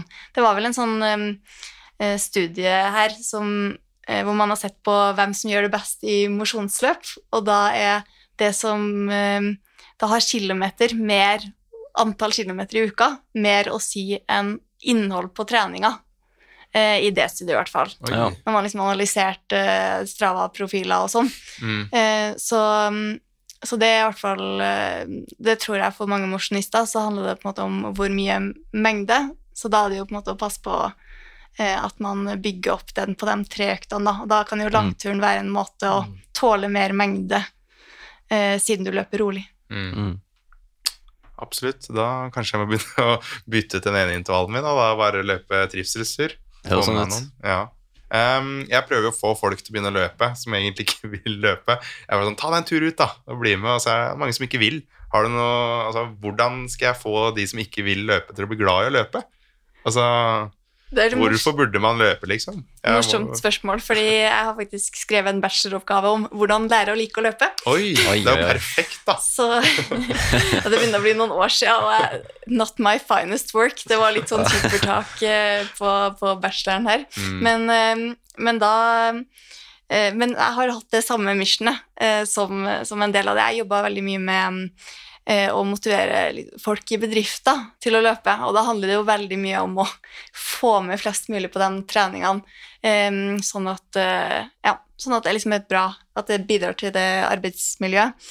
Så mitt triks for å liksom lure med folk var at, eh, at jeg på en måte sa at gi meg liksom seks treninger. Eh, hvis du ikke liker det etter det, så, så kan du eh, på en måte slutte. Eh, Ok. og, det, og det handler jo om at hvis man skal lære seg å like løping, så må man gjøre det ganske mange ganger.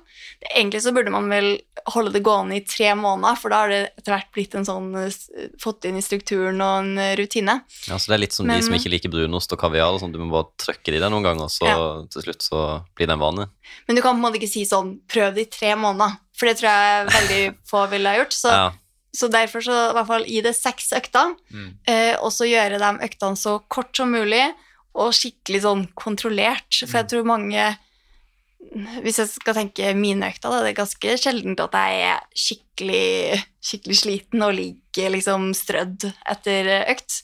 Eh, og folk som ikke har trent løping fra før, vil jo få framgang nesten bare av å eh, ja, gå kjapt, da. Så, så på en måte Start rolig nok, og gi det noen gode forsøk Mm. før, um, før man på en måte forkaster det. Og så er det jo det som også den forskninga som jeg skrev teorien min ut ifra, når, eh, når jeg skrev den oppgaven om eh, hvordan lære å like løpet, og da var det det å sette seg et mål. er Mm. liksom en eh, viktig ting. Eh, det å finne noen å trene med, det viste seg at det var viktigere for damer enn for menn. Så menn Ja. var liksom enda mer målorientert, damer var enda mer orientert mot sånt, å finne sånn fellesskap uh, Mm. rundt, og så på en måte um, Og så passe på at man gir det um, At man gir det nok tid til å kjenne en mestring eh, fra løpinga. Og da handler det jo også litt om å sette standarden lav nok Mm. uh, i starten. Når jeg satte opp eh, program for mosjonister, så kunne jeg ha sånn at én hvis det var folk som var relativt utrent, så kunne på en måte én økt være bare å varme opp, og så kjøre eh, fire ganger 30 sekunder i Mm. motbakke. Mm. Og det er jo veldig lite, men man får framgang av det også. Mm. Og så kan man heller bygge opp med antall drag, og så er det veldig sånn overkommelig. Her traff vi spikeren på hodet. Ja, det er bra. Ja. Det er gode poeng at når vi skal få noen med, så tar vi det ikke med på ti ganger tusen, liksom, hvis de er relativt utrente, men at vi finner noe som gir mestringsfølelse, da. Og hvis vi skal løpe rolig med noen nå, da løper vi ikke fem blank fordi det er rolig for oss. Kanskje syv blank er rolig for den personen. Så jeg har tenkt litt på det. Og så merker jeg jo sånn, selv om jeg jeg har masse mål med løpinga mi og sånn, så syns jeg at dørstokkmila kan være litt uh, lang selv. Mm. Så um, det jeg gjør en del av for å få det inn eh, hvis det er mye jobb og sånn, så eh, løper jeg til og fra jobb.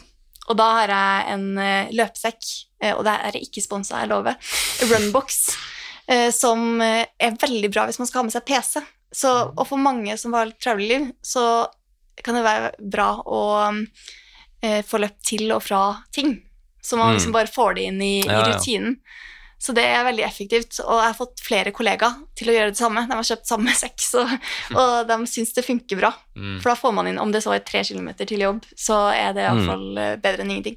Ja, det er et kjempegodt tips. Og så kan du komme hjem fra jobb, og så har du trent. Ja. Det er jo absolutt en gulrot. Og den sekken sitter liksom som smurt, så den er ikke noe plagsom. Den er selvfølgelig tyngre enn å løpe uten sekk, men eh, Mm. Men det er jeg enig i at jeg løp en del til Bislett med vanlig sekk, og da måtte jeg holde på de stroppene. Men da jeg, da jeg fikk løpesekk, slipper det problemet, og den sitter som støpt. Så det er jo bra tips. Mm. Jeg løp en douchebag i går, ja, det var helt forferdelig. Ja, det, Det blir litt annet. Um, vi har en uh, spalte i den podkasten her, Ukas økt. Har du noen tips til uh, lytterne? Og oss, ikke minst. Vi må jo prøve å få gjennomført den, vi òg. jeg fikk jo Du sa at du skulle stille meg det spørsmålet, og så tenkte jeg at jeg skulle ta den der åtte ganger tre kilometer som jeg allerede har eh, gitt. Eh, Så nå må jeg vel kanskje komme på en eh, annen ukas økt enn det, da. Eh, Og jeg gjør jo veldig sånn standard økter, men har ukas økt vært en 20 ganger 500 meter før? Som du har begynt litt med det siste ja, var det ikke den Amalie ga oss, da? Det, var 16. 17? Kom Amalie med. Ja, det var 16, det, ja. Ja. Ja, ja. Okay. vi ha 20, da? Da kan vi 20. Nei, men det blir for kjedelig hvis, det, hvis det er gjort uh, nylig. Men da tenker jeg at uh, da kan det være å uh, prøve å løpe terskel sammenhengende. Ikke bare sånn oppdelt eh, klassiske sånn ti ganger 1000 eller sånn, men gjøre mm. for eksempel 6 eh, km sammenhengende, eller åtte km, eller ti km eh, sammenhengende. Ja. Så det, der har jeg veldig troa på, hvis du skal løpe, spesielt hvis du skal løpe ti km og oppover. Mm. Mm. Så det er noe jeg kommer til å legge inn nå når jeg skal til høyden. Mm. Åssen følelse har du cirka på den økta? Eller fart? Altså fartfølelse. Det er kjennes rolig, det jo lengre, jo mer, mer sammenhengende det skal være, da. Ja, Si vi har åtte kilometer, da. Ja, um, vil du ha Følelsen er på en måte terskel, så um, det er veldig kontrollert. Og så kan, kan det godt være litt progressivt, spesielt hvis du eh, Jeg må jo på en måte passe på hvis jeg har to, to terskeløkter på én dag, så er det bare å passe på så ingen av dem blir for hard. Mm. Så jeg prøver jo å sikte mot eh, en viss laktat, men for andre så kan det jo være å sikte mot en, eh, en puls hvor du, hvor du på en måte ser at den går ikke bare opp og opp, men Mm. klarer, du klar, en puls som du klarer å holde ganske stabil. da. Mm. Så det vil vel være mer sånn eh, halvmaratonfart, cirka. Mm. Kanskje mot maratonfart. Start på maraton og så heller ta det progressivt enn, å, enn motsatt, iallfall. Ja, Ja. helt enig. Nei, men jeg lurer på om uh, det var det. Hvis ikke dere har noe mer, eh, Morten og Lars, er vi fornøyde? Vi har jo til og med fått uh, et kjempesvar her uh, ute med bachelor som grunnlag. Det var jo helt utrolig. Ja, bare helt til slutt, siden du er glad i høyde, for det er jo noen som ikke er glad i høyde, det bare funker ikke. Eh, har, er fikk du en opplevelse eller, som gjorde at oi, shit, det her funker jo for min del? Eller bare har du troa på det liksom sånn generelt? Jeg tror det var bare måten det, Du får jo litt sånn falsk utvikling, da, for at du, du tilpasser deg eh, høyden. Mm. Eh, så det kan hende at jeg sånn falsk, eh, får litt sånn falsk følelse av eh, forbedring, siden, eh, siden jeg blir bedre og bedre fra dag til dag. eh, Mens, mens jeg er der og tilpasser meg. Men, eh, men jeg syns jo at jeg hadde veldig Jeg kom tilbake på et høyere nivå eh, enn det jeg var på når jeg dro Mm. etter Kenya.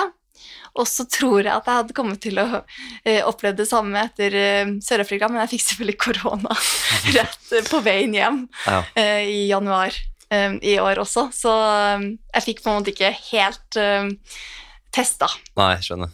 progresjonen, men, men jeg hadde i hvert fall eh, eh, Jeg syns at det virka som at det funka, og så må jeg teste det. Jeg skal ha tre høydeoppholdssesongen her, så da får jeg testa det enda mer. Men jeg har jo generelt troa på det. Det er jo det eh, mange av de beste gjør. Men det er fint å ha en unnskyldning om hvis du slår meg. Så det, ja, men hun er i høyden, det er ikke jeg vet. Ja, Du får leve på den du, Morten. Eh, Ja. tusen hjertelig takk for at du kom, og lykke til i Barcelona. Vi skal følge med. Ja, det blir kult. Tusen takk.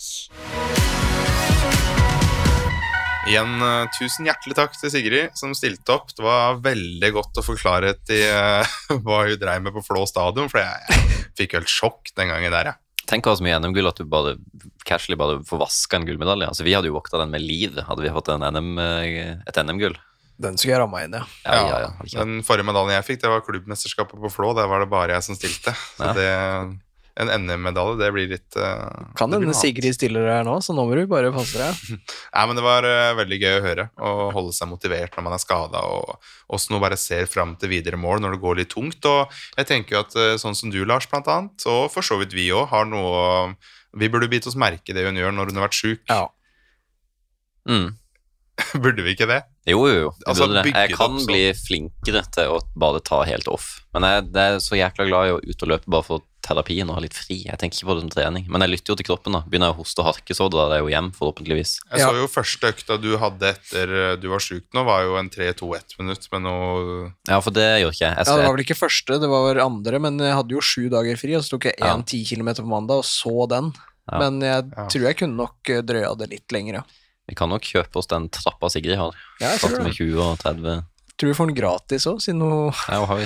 Den tar vi. hun, Ja. ga, hun ga oss til den. Du har vært på et eh, event, du, Morten, og i den forbindelse Ukas sko. Det er en uh, modell fra Assix. Kan du Mm. utdype litt? Det er fjerde variant av Novablast. Jeg har løpt eh, masse i både to og tre nå. Eh, så den, eh, det er jo en billig Den er jo vanvittig billig, da. Jeg hadde jo tippa at den kosta mye mer. Ligger jo på 1600 kroner. Eh, 31 mm i hælen, 23 i forfoten, 8 mm dropp. Veier 260 gram. I US 9 herre er det vel de fleste bruker som sånn standardstørrelse. Mm. Eh, den har blitt eh, Den skal være like responsiv som eh, treeren, litt mer stabil. Eh, også litt mer sånn flyknit-aktig overdel, egentlig, enn treeren. Og eh, på eventet så var vi rundt i Oslo Spektrum og løp stafett i krappesving og opp trapper hit og dit. Jeg var nede i 240 pace, tror jeg, på de flate partiene, og den sitter godt, og det er en sko du kan Hvis du er nybegynner og skal ha én sko, ikke vil bruke for mye penger på det og bare teste løping litt, så er Novablast 4 et fint eh, alternativ, da. Et lite røverkjøp. Hva tenker dere, gutta? Dere har jo løpt i én, én, to, tre? Jeg har ikke løpt i noen. Nei. Husker jeg feil? Mikkel, du har løpt Jeg i har løpt i eneren. Ja, det var du jeg som har løpt sleit i med at den var ustabil, ellers så var det en vanvittig god sko. Men uh, hvis jeg får se litt på den her nå, Så jeg føler at den eneren hadde en mye mer sånn innsnevring på sålen Ja, eh, den hadde på midten, og da blir den mye mer ustabil. Og en ekstremt fin sko, da. Å se på Altså, skummer er jo fin, altså. Den er veldig fin. Jeg har lyst på en sånn en, jeg. Altså, den ser jo veldig stabil ut òg, da. Litt sånn ja, stor flate. Den er blitt litt mer allsidig, tror jeg. For de som sliter med litt uh, at de føler en sko er ustabil, så vil de ikke føle det i en Overblast 4. Mm. Ja, fin sko. Fin sko. Anbefaler vi den her? Anbefaler du den? Ja, vi har jo ikke prøvd den engang. Den er jo akkurat ute Ja, den markedet. eh, kan jeg anbefale. Den tror jeg passer de aller, aller fleste. Litt romslig for min smale fot, men jeg Mm. får stramma godt her, så den sitter godt på en smal fot som jeg har da. Så jeg Mm. tror den kan passe de fleste. Den er, eh, den er god. Jeg skal sette den her på ønskelista. Jeg. Ja, det er bare å ringe mor. Tror jeg må det. Uh, ukas økt denne uka her, den uh, fikk vi nå fra Sigrid. Det var en sammenhengende økt, og det er jo en økt du, Lars, har brukt mye. Jeg har brukt det mye, Mm. og liker det veldig godt. Eh, og det er jo som hun sier òg, starter ganske kontrollert. Og jeg liker å ha det litt sånn progressivt, eller en Mm. bestemt pace, da. Kjører jeg på mølla, så kan jeg gjerne kjøre 16-16,5 hele veien. Mm. Ja. Jeg har også kjørt de øktene der en del, og jeg tenker litt sånn på intensitet, da. Eh, hvis vi skal bare ha det rett over til følelse, at du, Mm. hvis du løper en 10 km sammenheng, da, så kunne du kanskje løpt 13, Ja. altså 12-13 km, da. Ja. Men at du da har intensiteten slik at du kunne løpt litt lenger. Mm. Det er jo en sånn Det er litt vanskelig å vite åssen skal du treffe på en sånn økt, liksom. Ja, det, altså, det er jo så, mange, det er så mye som spiller inn. Ja. Søvn, du har hatt dagsform, det er mye som spiller inn, så du, jeg vil jo anbefale å følge følelsen, da. Mm. Du skal ha god kontroll. Hvis du løper ti da, kilometer, så de første fem-seks, da skal du ha kontroll på pusten. Du Mm. skal ikke jage etter noen ting. Så kan du heller være sånn Oi, nå er det syv kilometer, da kan jeg øke litt, liksom. Mm, mm, ja. Jeg tror du skal jage den typen noe rundt der. Da tror jeg du treffer ganske bra. Mm. Så en veldig allsidig ukasøkt. Vi kan si det er en sammenhengende tempo fra 20 til 40 minutter. Det kan Ja. du egentlig bestemme Ja. sjøl. Alt ut ifra nivå og hva du løper mot, hvilket mål du har. Mm. Den er fin. Den, eh, den kan jo en av oss prøve. Vi, vi, nå kommer du fram her. Eh, ingen har gjennomført forrige ukas økt. Det var en så, så fin økt! Det er det verste. Altså, Ja, jeg var jo det, var, ja, det hadde ikke vært så lust for min del å gjøre det, tror jeg. Nei, ikke jeg heller. Jeg var jo sjuk, holdt jeg på å si. Ikke sjuk, da, men ikke, ikke til stede kroppslig. Nei, jeg, bare, jeg kunne bare jogge. Kroppen Kroppen hadde ikke lyst til noe mer. Jeg har tydeligvis ikke vært til stede mentalt, for jeg kunne jo gjennomført den. På fredag når jeg kjører åtte ganger tre minutter, så kunne jeg heller tatt den økta, men jeg, jeg glemte det helt bort. Jeg, så det er bare å legge seg flat, beklage, og det er ingen unnskyldning her. Det er bare Nei. Vi slakter oss sjøl. Slakter oss sjøl. Ja, det er godt å gjøre det før noen andre gjør det, tenker jeg. Så det skal ikke bli noe Strava-beef. Det, det holder vi oss unna. gjør vi. Ja, til neste episode, uh, husk å sende inn lyttespørsmål. Uh, vi smeller jo til, vi, igjen med ny julekalender uh, på søndag. Det er fortsatt mulig å delta på å vinne et par On Cloudy Lips. Så det, legg inn en kommentar der, og følg med videre. Også meld dere inn i Løpeprat løpeklubb på Strava. Så tenker jeg det er det, hvis ikke dere har noe mer å tilføye. Er dere fornøyde? Veldig fornøyd. Og så er jeg klar for eh, 2024, kjenner jeg. Åh, er Krysser fingrene. Jeg har ikke lyst til å jinxe noe, men uh... jeg, jeg, det jeg ønsker meg til jul, det er nye bein og en, og en ny kropp. ja, vi får se om vi finner noe lår vi kan pakke inn som ikke er pakka. Jeg pleide å si det før, ser du. Når, når det var julaften eller nyttår, da, så fikk jeg nye jeg bein. pakke? Da Ja. bytta jeg proteser og satt på noen andre, så jeg kunne løpe masse. Så vi krysser fingra. Det visste jeg ikke at du hadde. Men det Nei, det var nytt for meg òg. Jeg har- jeg har tatt med meg noen gamle nå, så det er derfor det er litt skrøpelig her. Vi runder av med det, og så sier vi eh, Hva er det jeg pleier å si? Ja? God trening Nei, hva er det jeg sier for noe? Tren godt, tren smart. Vi Det løpes. stemmer.